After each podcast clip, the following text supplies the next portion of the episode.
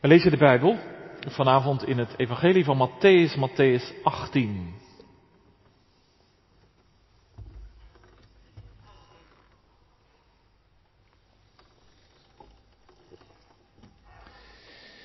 Matthäus 18. Jezus heeft zojuist voor de tweede keer aangekondigd dat hij gaat lijden en sterven. En dan staat er in vers 1, op dat moment kwamen de discipelen bij Jezus en zeiden, wie is toch de belangrijkste in het koninkrijk der hemelen? Jezus riep een kind bij zich en zette dat in hun midden. En hij zei, voorwaar, ik zeg u, als u zich niet verandert en wordt als de kinderen, zult u het koninkrijk der hemelen beslist niet binnengaan. Wie zich dan zal vernederen als dit kind, die is de belangrijkste in het koninkrijk der hemelen en wie zo'n kind ontvangt in mijn naam, die ontvangt mij. Maar wie een van deze kleine die in mij geloven doet struikelen, het zou beter voor hem geweest zijn dat een molensteen als een hals gehangen was en in de diepte van de zee gezonken was. Wee de wereld vanwege al struikelblokken, want het is noodzakelijk dat er struikelblokken komen, maar wee die mens door wie zo'n struikelblok er komt.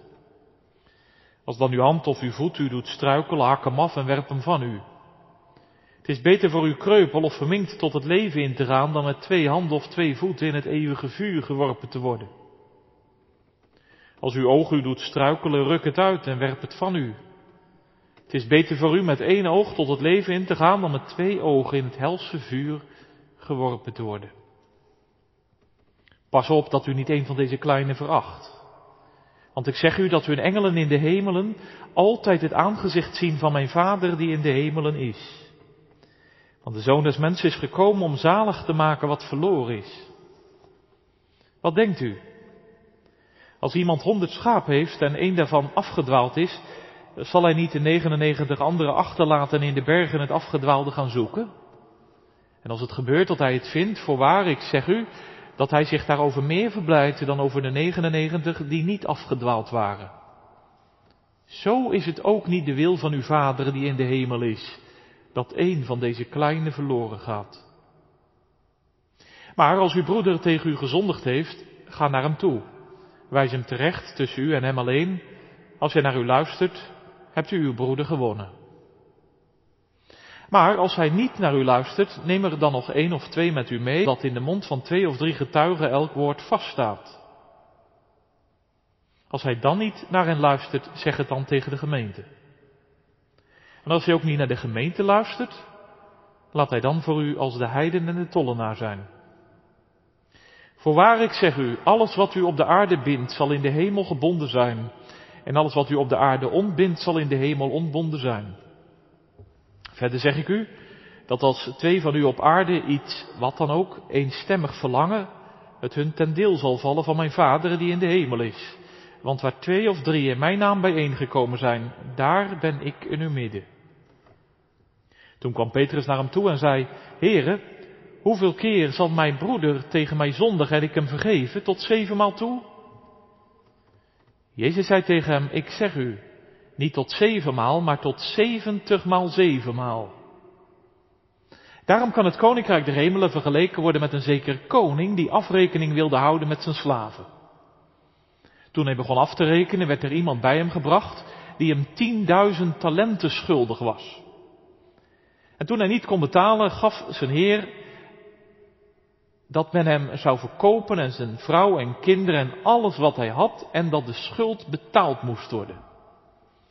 De slaaf dan knielde voor hem neer en zei, Heer, heb geduld met mij en ik zal u alles betalen. En de heer van deze slaaf was innerlijk met ontferming bewogen, liet hem gaan en schold hem de schuld kwijt. Maar deze slaaf ging naar buiten en trof een van zijn medeslaven aan die hem honderd penningen schuldig was. Hij pakte hem beet, greep hem bij de keel en zei, betaal me wat u schuldig bent. Zijn medeslaaf dan liet zich voor hem neervallen en smeekte hem, heb geduld met mij en ik zal u alles betalen. Hij wilde echter niet, maar ging heen en wierp hem in de gevangenis totdat hij de schuld betaald zou hebben. Toen zijn medeslaven zagen wat er gebeurd was, werden ze erg bedroefd. Ze gingen naar hun heer en vertelden hem alles wat er gebeurd was. Toen riep zijn heer hem bij zich en zei tegen hem, slechte slaaf, al die schuld heb ik u kwijtgescholden, omdat u mij dat smeekte. had ook u geen medelijden moeten hebben met uw medeslaaf, zoals ik ook medelijden met u had. En zijn heer, boos als hij was, gaf hem aan de pijnigers over, totdat hij alles wat hij hem schuldig was betaald zou hebben. Zo zal ook mijn hemelse Vader met u doen, als niet ieder van u van harte de misdaden van zijn broeder vergeeft. Dit is het woord van God. Spits van de preek ligt in vers 15. Maar als uw broeder tegen u gezondigd heeft, ga naar hem toe, wijs hem terecht, tussen u en hem alleen. Als hij naar u luistert, hebt u uw broeder gewonnen. In deze leerdienst zullen we stilstaan bij het thema orde en tucht. Vanuit artikel 32 en 33 op de website vindt u weer zo'n handout met de preek. We zijn namelijk bezig met de artikelen over de kerk. De sacramenten hebben we eigenlijk al gehad. Daar heb ik al eerder met u een keer over nagedacht. En vanavond eh, lezen we artikel 32 en 33. Daar schrijft Guido de Brev, wij geloven intussen dat de regeerders van de kerk, hoewel het nuttig en goed is dat ze onderling een bepaalde orde instellen en handhaven om het lichaam van de kerk te onderhouden, zich er niet te min voor moeten wachten af te wijken van wat Christus onze meester ons geboden heeft. En daar werpen wij alle menselijke bedenksels en alle wetten die men zou willen invoeren om God te dienen en daardoor de gewetens te binden en te dwingen, op welke wijze dan ook. Wij aanvaarden dus alleen wat dienstig is om eendracht en eenheid te bevorderen en te bewaren. En alles te onderhouden in de gehoorzaamheid aan God. Hiertoe is vereist de excommunicatie of de ban die volgens het woord van God geschiet met hetgeen daarmee samenhangt. Wij geloven dat onze goede God, omdat rekening houdt met onze botheid en zwakheid, voor ons de sacrament heeft ingesteld om zijn belofte aan ons te verzegelen en om onderpanden te, te zijn van zijn goedgunstigheid en genade jegens ons en ook om ons geloof te voeden en te onderhouden. Hij heeft deze gevoegd bij het woord van het evangelie om des te beter aan onze zintuigen te tonen, zowel wat hij ons door zijn woord te verstaan geeft, als wat hij inwendig in onze harten doet. Zo bekrachtigt en verzekert hij in ons de zaligheid waarin hij ons doet delen. Want het zijn zichtbare tekenen en zegelen van een innerlijke en onzichtbare zaak, door middel waarvan God in ons werkt door de kracht van de Heilige Geest. De tekenen zijn dus niet zonder betekenis en leeg om ons te biegen. Want Jezus Christus is de waarheid ervan, zonder wie ze volstrekt niets zouden zijn. Voorts hebben wij genoeg aan het aantal sacramenten die Christus onze meester heeft ingesteld. Het zijn er niet meer dan twee. Te weten, het sacrament van de doop en van het heilige avondmaal van Jezus Christus. Dat was de beleidenis van onze kerk. In de preek zullen we nadenken over tucht en orde, artikel 32 en 33, het geheel van de schrift en vooral de preek laten uitlopen op Matthäus 18. Maar als uw broeder tegen u gezondigd heeft, ga naar hem toe, wijs hem terecht tussen u en hem alleen. Als hij naar u luistert, hebt u uw broeder gewonnen, orde en tucht. Ja, gemeente hier en ook thuis. Waar is de tucht? Zo wordt er wel eens gezucht. Juist als het gaat over onze kerk, dan klinkt het meer dan eens, ja, die protestantse kerk, nou ja, waar is daar de tucht? Nu klinkt dat woord eh, tucht nogal fors. Wees eerlijk, het is een heel mooi woord, dat zeker hoor. Tucht, zien, trekken, terugbrengen, dat wil het vooral zeggen. Maar ja, dat is niet altijd het beeld wat wij erbij hebben. Wellicht denk je veel eerder aan heren in nette pakken, mannen met ernstige gezichten, lieden met bitse blikken, tucht, orde, elkaar de maat nemen, elkaar oordelen en beoordelen om het minst of geringste, vooral op zedelijk gebied. Dat is vaak het beeld daarbij. En niet voor niets. Dominee Imo Horrius, hij promoveerde op dit onderwerp. Hij zei van zijn oma, ze kwam onder tucht te staan. Wat had ze dan gedaan? Nou ja, ze had beenkleurige kousen aangetrokken in plaats van zwarte kousen. Tuchtwaardig vond men dat. Ja. Is dat nu de bedoeling van tucht? De vraag is, dacht ik, snel te beantwoorden. Maar ja, als het gaat over grotere zaken, eh, een jeugdwerker die kinderen misbruikt, ja, dan is het helder voor iedereen. Zoiets kan niet, dat moet stoppen, daar moet tucht worden gehandhaafd. Alleen tussen beenkleurige kousen en misbruik van kinderen daartussen zit natuurlijk nog een hele wereld. Het kan zomaar knap ingewikkeld zijn. Want in de ene kerk zeggen ze dit en in een andere kerk zeggen ze dat. Vinden ze het hier niet goed, dan ga ik wel naar een ander. Tucht zit daarom wat in de taboesfeer, vooral in de kerk. Nee, begrijp me goed, in de wereld om ons heen is dat anders. Hè? Wielrenners en dopingschandalen, nou jij weet daar denk ik ook alles van. Hè? Trainers van jonge turnsters, racistische opmerkingen van politici. Met ernstige blikken kijkt men, met scherpe tongen spreekt men, verontwaardigt en op hoge toon vraagt men, zijn er al maatregelen genomen? Komt er dan geen tuchtprocedure? Is dit niet iets voor het tuchtcollege? In die sfeer zit vooral dat woord in onze samenleving. Alleen laten we vanavond nou eens bij het begin beginnen. Spreekt u wel eens iemand aan? Gewoon, zomaar. Je merkt dat ze door deze crisistijd, dat gezin bij de diensten weggroeien. Joh, waarom zijn jullie niet meer zo betrokken de laatste tijd? Je zag haar niet aan het heilige avondmaal. Joh, wat is er? Ik heb je gemist. Je wist dat hij ruzie had. Joh, kan dat zo? Hij deed je onrecht. Zullen we het eens uitpraten? Zij wil echt niet buigen voor die ander. Waarom doe je zo? Wat is er nu? Je hoorde dat hij over je roddelde. Is er iets tussen ons, want mijn naam kwam voorbij? Doe je dat wel eens? Een ander aanspreken, heel eenvoudig, heel rustig. Vanwege wat er tussen zit, tussen jou en de ander, tussen die ander en weer een ander. Ja, misschien zeg je nee, dat doe ik niet snel. Nee, want wie ben ik om er iets van te zeggen? Meer dan eens hoor ik dat als het gaat over zonde, over schuld, over tekortkomingen, over misstappen in levens van anderen. Het wordt gedeeld, joh, ga er dan eens naartoe. Nou ja, nou ja, wie ben ik om er iets van te zeggen?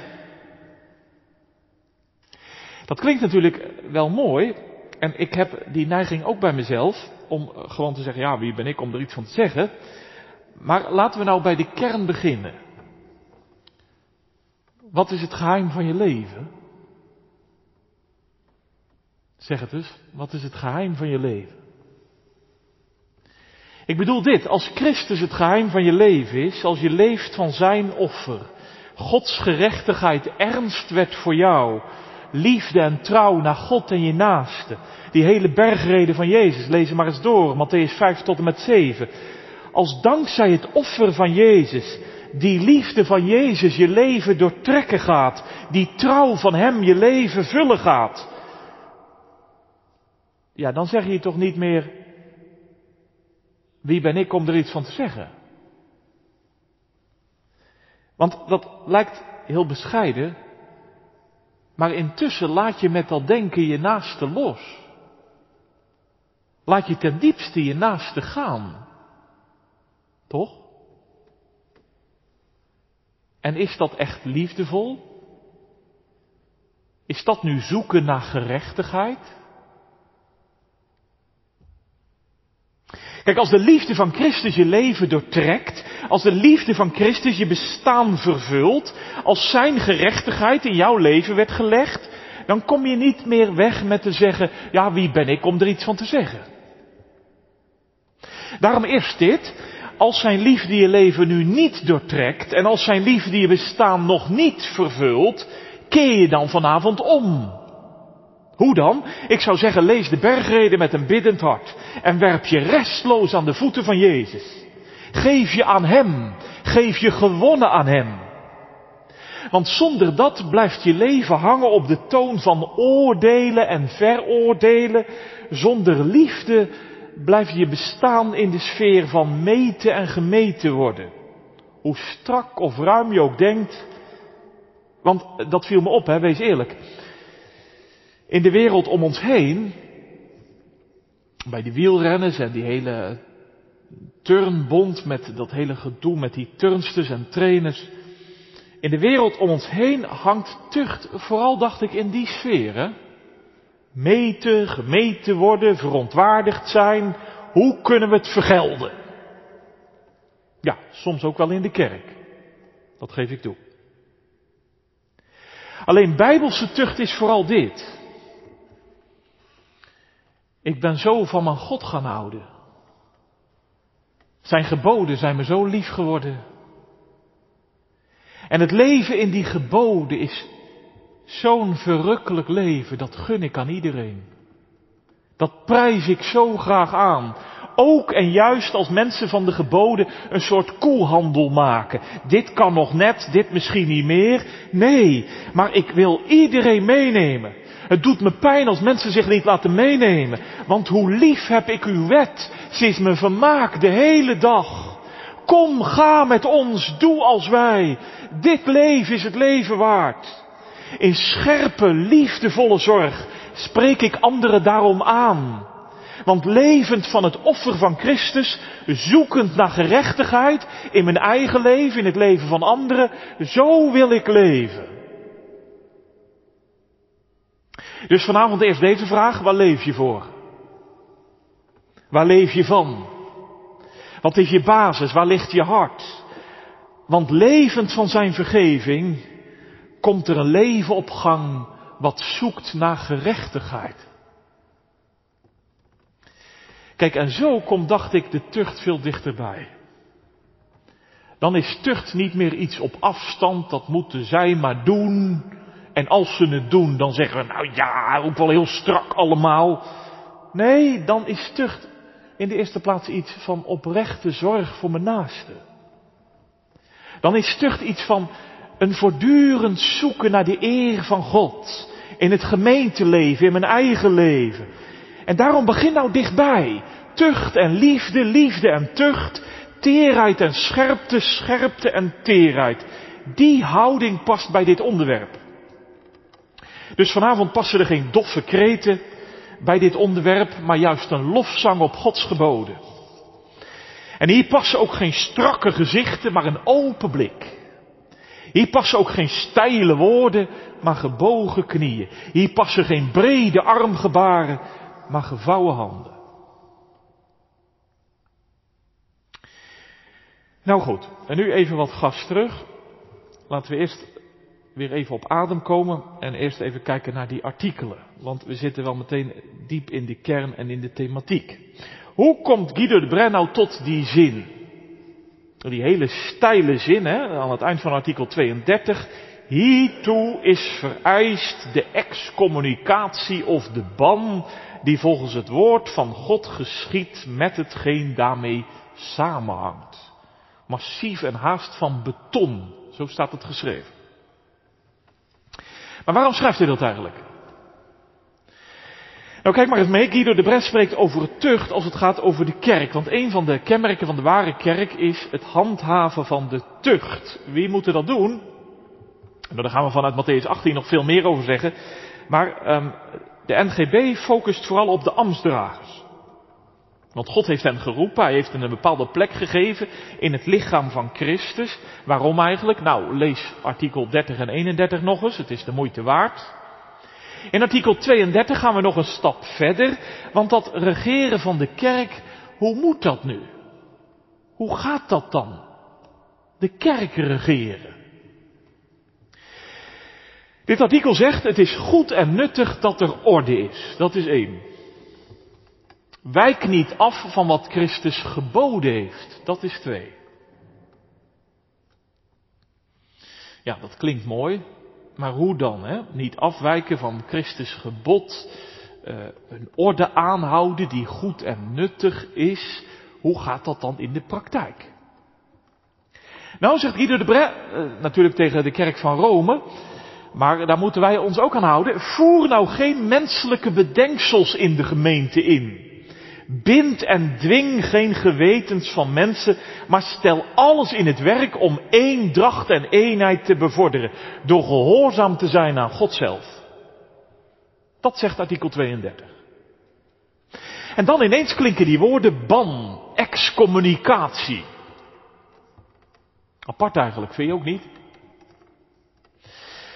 Ook wel veelzeggend, want die artikelen vallen vlak voor de uh, artikelen over de sacramenten. Het sacrament van de heilige doop als het sacrament van de inlijving in het verbond. Het sacrament van het heilige avondmaal als het sacrament van de inblijving in het verbond. Tucht en sacramenten die horen bij elkaar. Dat heeft Guido de Bre van Calvijn. Voor Calvijn was de gemeente van God een avondmaal vierende gemeente. Wat hem betreft zelfs elke week. En de nodiging was bij Calvijn heel breed en ruim. Lees maar in de catechismus van Genève. Alleen rond het avondmaal vond Calvijn het nodig dat de tucht zou functioneren. Dat mensen elkaar aan zouden spreken op de toonhoogte van de liefde in de ruimte van Gods geboden.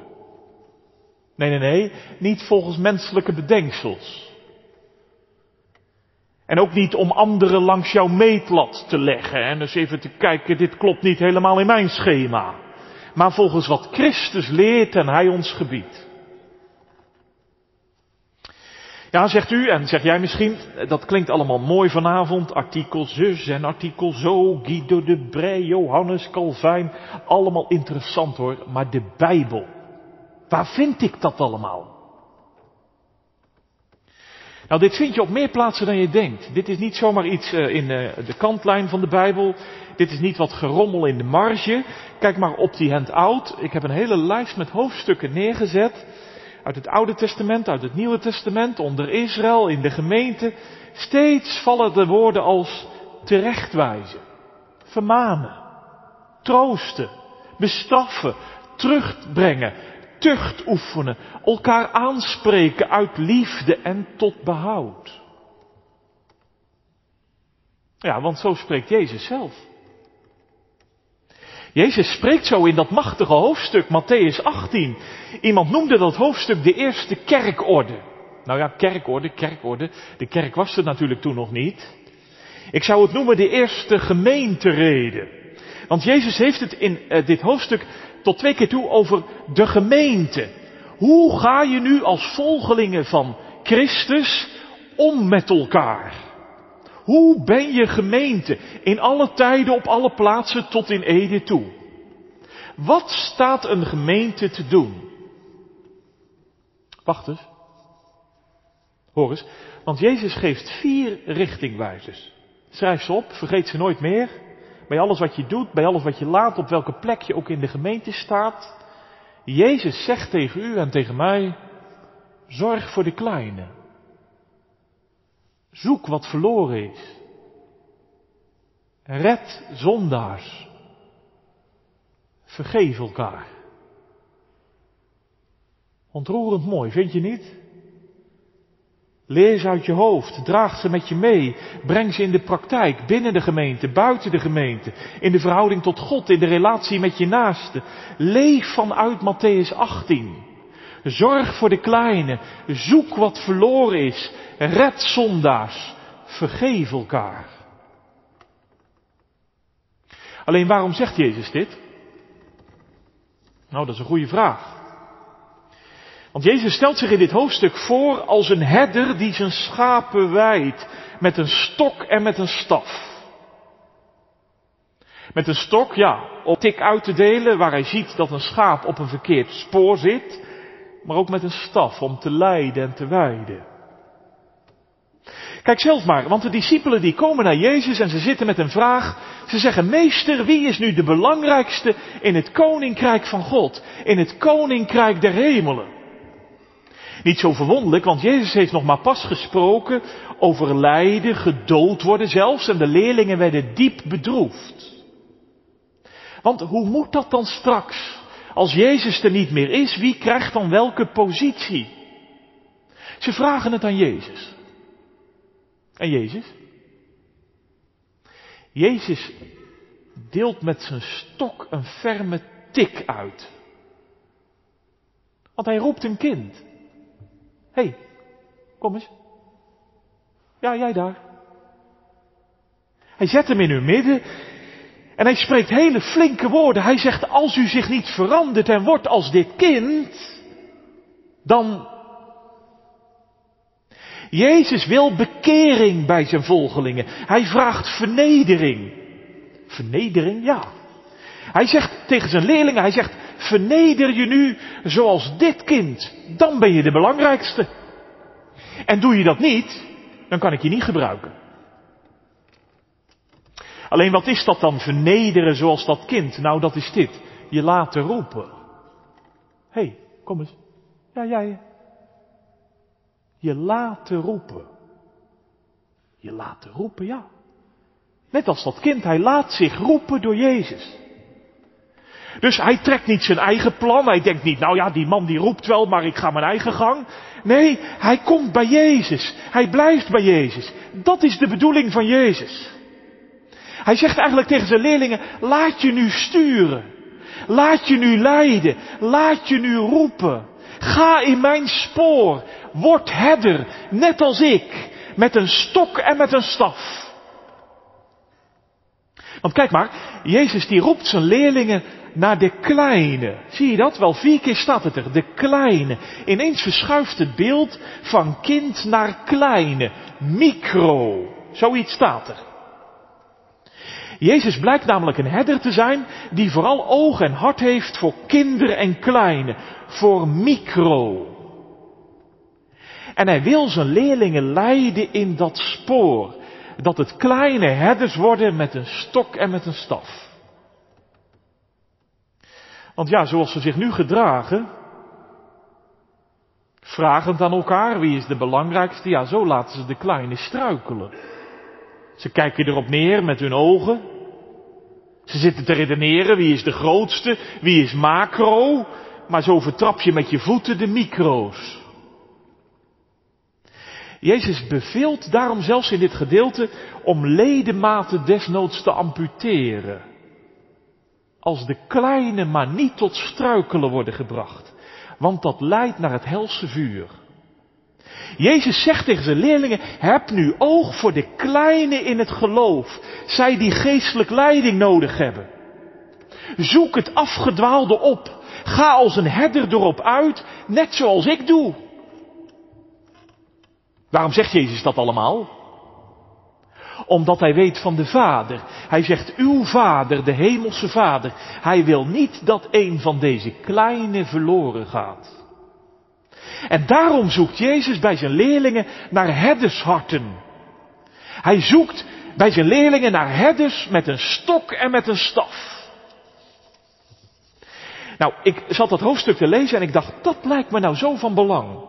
Als het vanavond gaat over orde en tucht in de gemeente, dan lijkt het me zo van belang, ook in onze tijd, dat kleine niet zullen struikelen. Doordat ik met mijn ogen op hen nou zou neerkijken.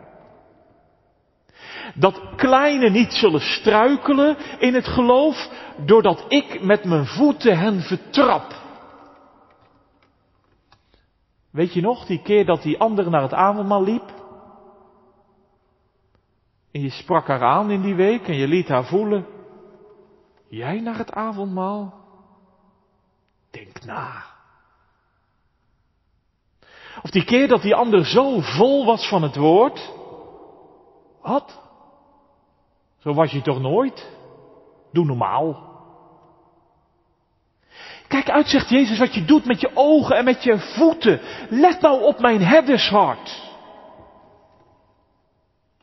Ja, begrijp me goed, zo'n herdershart, hè, dat behoudt van zondaren, dat is niet soft en flauw.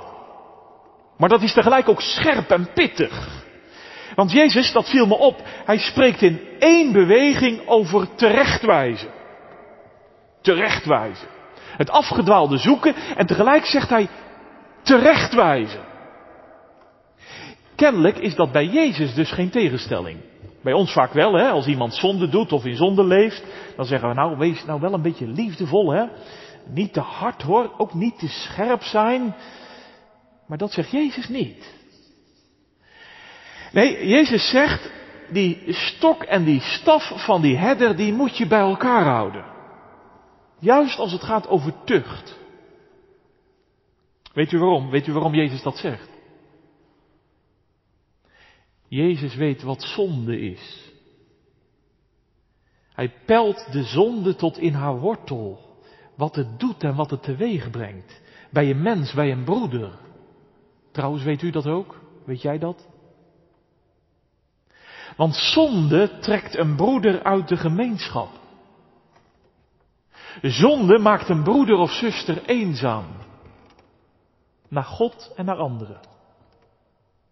Zonde verwoest een mensenleven en vergiftigt een karakter.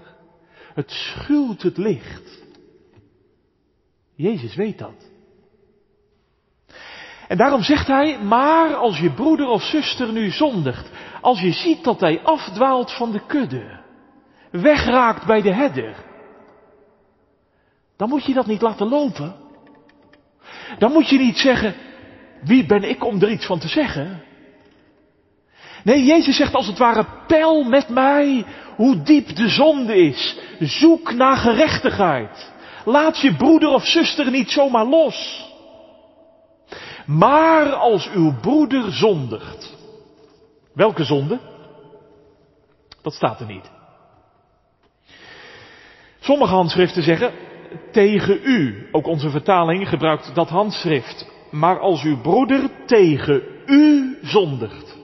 Weet je nog? Die keer dat hij, dat moment dat zij. Wat doe je dan? Wat zeg je dan? Maar ook als je broeder niet tegen jou zondigt, maar wel zondigt en je weet ervan. Ga naar hem toe, zegt Jezus. En wijs hem terecht. Gewoon onder vier ogen, niemand hoeft dat te weten. Joh, we moeten even praten. Wij zijn broeders, we zitten aan dezelfde tafel. Maar hoe heb ik het nu? Doe dat om zo je broeder te winnen, zegt Jezus. Ziet u dat? Dat vind ik zo'n schitterend doel. Je broeder winnen, terugwinnen. In de gemeente, voor het koninkrijk der hemelen, voor de zaak van Jezus. Zie je hoe heerlijk dat is? Tucht is in de Bijbel dus niet iets van de ander goed aan de schandpaal nagelen. Iemand dus even goed in de hoek zetten en daar kom je voorlopig niet meer uit. Maar tucht heeft als doel de ander winnen. Nee, nee, nee, eh, begrijp me goed. Jammer genoeg wordt dat niet altijd zo begrepen. Maar het is wel het doel. Haal je broeder terug, zegt Jezus. Wijs hem terecht, want zonde maakt zoveel kapot. Ja, zeg je, maar als ik nou bij die broeder of zuster geweest ben en hij luistert niet. Nou, dan roep je één of twee anderen erbij. Je gaat samen, je overlegt, je zoekt, je gaat nog een keer. Joh, we moeten even praten. Wij zijn broeders, we zitten aan dezelfde tafel, maar hoe heb ik het nu? Nou zeg je mooi, maar als hij dan nog niet hoort, dan zeg je het de gemeente. Allemaal? Nou, het formulier tot bevestiging van ambtsdragers zegt de ambtsdragers. Dat die hun taak verstaan. Joh, we moeten even praten, wij zijn broeders. We zitten aan dezelfde tafel, er is al twee keer met jou over gesproken. Kom nou terug, laat je terechtwijzen. En dan? Als hij dan niet hoort, laat hij dan voor u zijn een heiden en tollenaar. Dat zegt Jezus. Heftige taal, hè, vind je niet? Dan staat hij dus buiten de gemeenschap. Dan heeft hij zichzelf er buiten gezet. Want hij houdt vol in de zonde, diep pijnlijk en verdrietig. Nee, begrijp me goed, daarmee zegt Jezus niet, dan is hij afgeschreven. Dan is het klaar, dan is het over, dan is het uit. Dat zegt Jezus niet. Want tollenaren en zondaren, lees dit evangelie maar, dat zijn juist voorwerpen van de liefde van Christus. Christus die, die zoekt met, met zijn stok en met zijn staf als een herder. En hij zoekt ook naar herders die hetzelfde doen. Die tegen mensen die helemaal uit de gemeenschap vandaan zijn gegroeid. Die tegen zulke mensen blijven zeggen, kom nou terug. Kom nou terug. Laat je dragen naar de kudde. Zodat je niet verloren gaat. Want de zoon des mensen, hij is gekomen om te zoeken en zalig te maken wat verloren is. Ja, zegt misschien iemand, ik vind dat vanavond wel aardig om te weten hoor, dat Jezus dat zegt, hoe tucht nou moet functioneren. Maar ik vind het ook wel een beetje idealistisch. Want zo doen we dat niet. Oh. Maar hoe doen we het dan wel? En waarom eigenlijk niet? Zeg eens, wat is het geheim van je leven? Ik bedoel, ben je vol van Christus? Van wat Hij heeft gedaan? Het is vandaag de eerste Lijdenszondag. En ik hoop zo dat de komende weken ons leven er helemaal mee gevuld zal zijn met wat Hij deed om ook jou te winnen. Om ook jou de zonde te vergeven. Dat het hem bracht tot aan het kruis. Omdat Hij zag wat zonde met je doet. Omdat Hij zag wat zonde teweeg brengt in je leven. En dat het je eenzaam maakt. Dat het zoveel vergiftigt. Dat het je in het donker zet. Maar Hij ging ervoor. En hij hing ervoor. Ja, gemeente, wie dat in de komende lijdensweken ziet, voor het eerst en weer opnieuw. En wie dat ontdekt en wie dat gelooft, gemeente, als dat het levensgeheim is geworden, dan komt er iets van een herdershart in je binnenste. Echt waar. Dat geloof ik vast. Dan krijg je een staf en een stok in je handen. Juist voor de kleine, ook in Ede die weg dreigen te raken bij de gemeente vandaan. Gemeente, ik schreef deze preek en ik dacht als we nou zo gemeente zijn en worden, dan pinnen we elkaar niet meer vast op zonde, op de zonde. Dan blijven we ook niet doorgaan in de zonde. Maar dan brengen we samen onze zonde onder aan het kruis. Daar komt het nieuwe leven op gang. Daar wordt de liefde geboren onder aan het kruis voor God en mijn naaste. Voel je intussen? Tucht is eigenlijk wel een heerlijk woord, vind je niet? Je zat misschien naar dat thema te kijken en je dacht orde en tucht, nou ja, is toch een heerlijk woord. Dat je zegt, ja, als het zo functioneert in een mensenleven. Als een oprechte zorg voor mijn naaste. Als het bedoelen van de eer van God in de gemeente. Dan zou ik me eraan gewonnen geven. Steeds opnieuw en elke keer weer. Of ja, dat kan ook. Dat kan ook. Misschien luister je naar deze preek. En gaandeweg zit je tijdens die preek te denken aan die ene zonde je hebt hem al zo'n tijd verzwegen. En je durft er niet mee voor de dag te komen, voor je vader niet, voor je moeder niet of voor je omgeving niet. Maar het zit je eigenlijk zo dwars en tijdens die preek krijg je het steeds lastiger. Want het voelt vanavond als een terechtwijzing. Ja, dat is ook de functie van de preek. Hè? Tucht begint bij de preek. Dat je je laat terechtwijzen zondag aan zondag. Maar als je nou vanavond ermee zit, dat je zegt, die ene zonde, ik heb hem al zo lang verzwegen, maar het zit me zo dwars. Dan zou ik zeggen, neem nou vanavond iemand in vertrouwen of morgen. Iemand die dicht bij je staat en breng samen die zonde bij het kruis. Weet je waarom ik dat zeg? Gaandeweg moest ik eraan denken, dat huisbezoek. Niet hier, maar ergens anders. En ik kwam bij die meneer en hij zat elke keer als ik kwam klem. Zalig worden voor hem kon het niet. Geloof in de genade voor iedereen, maar niet voor hem. En elk gesprek was het hetzelfde. Het zat muurvast bij hem. Totdat ik tijdens een gesprek vroeg, maar meneer, heeft u dan een zonde te beleiden? Hij brak. Een zonde die hij al jaren verzwegen had.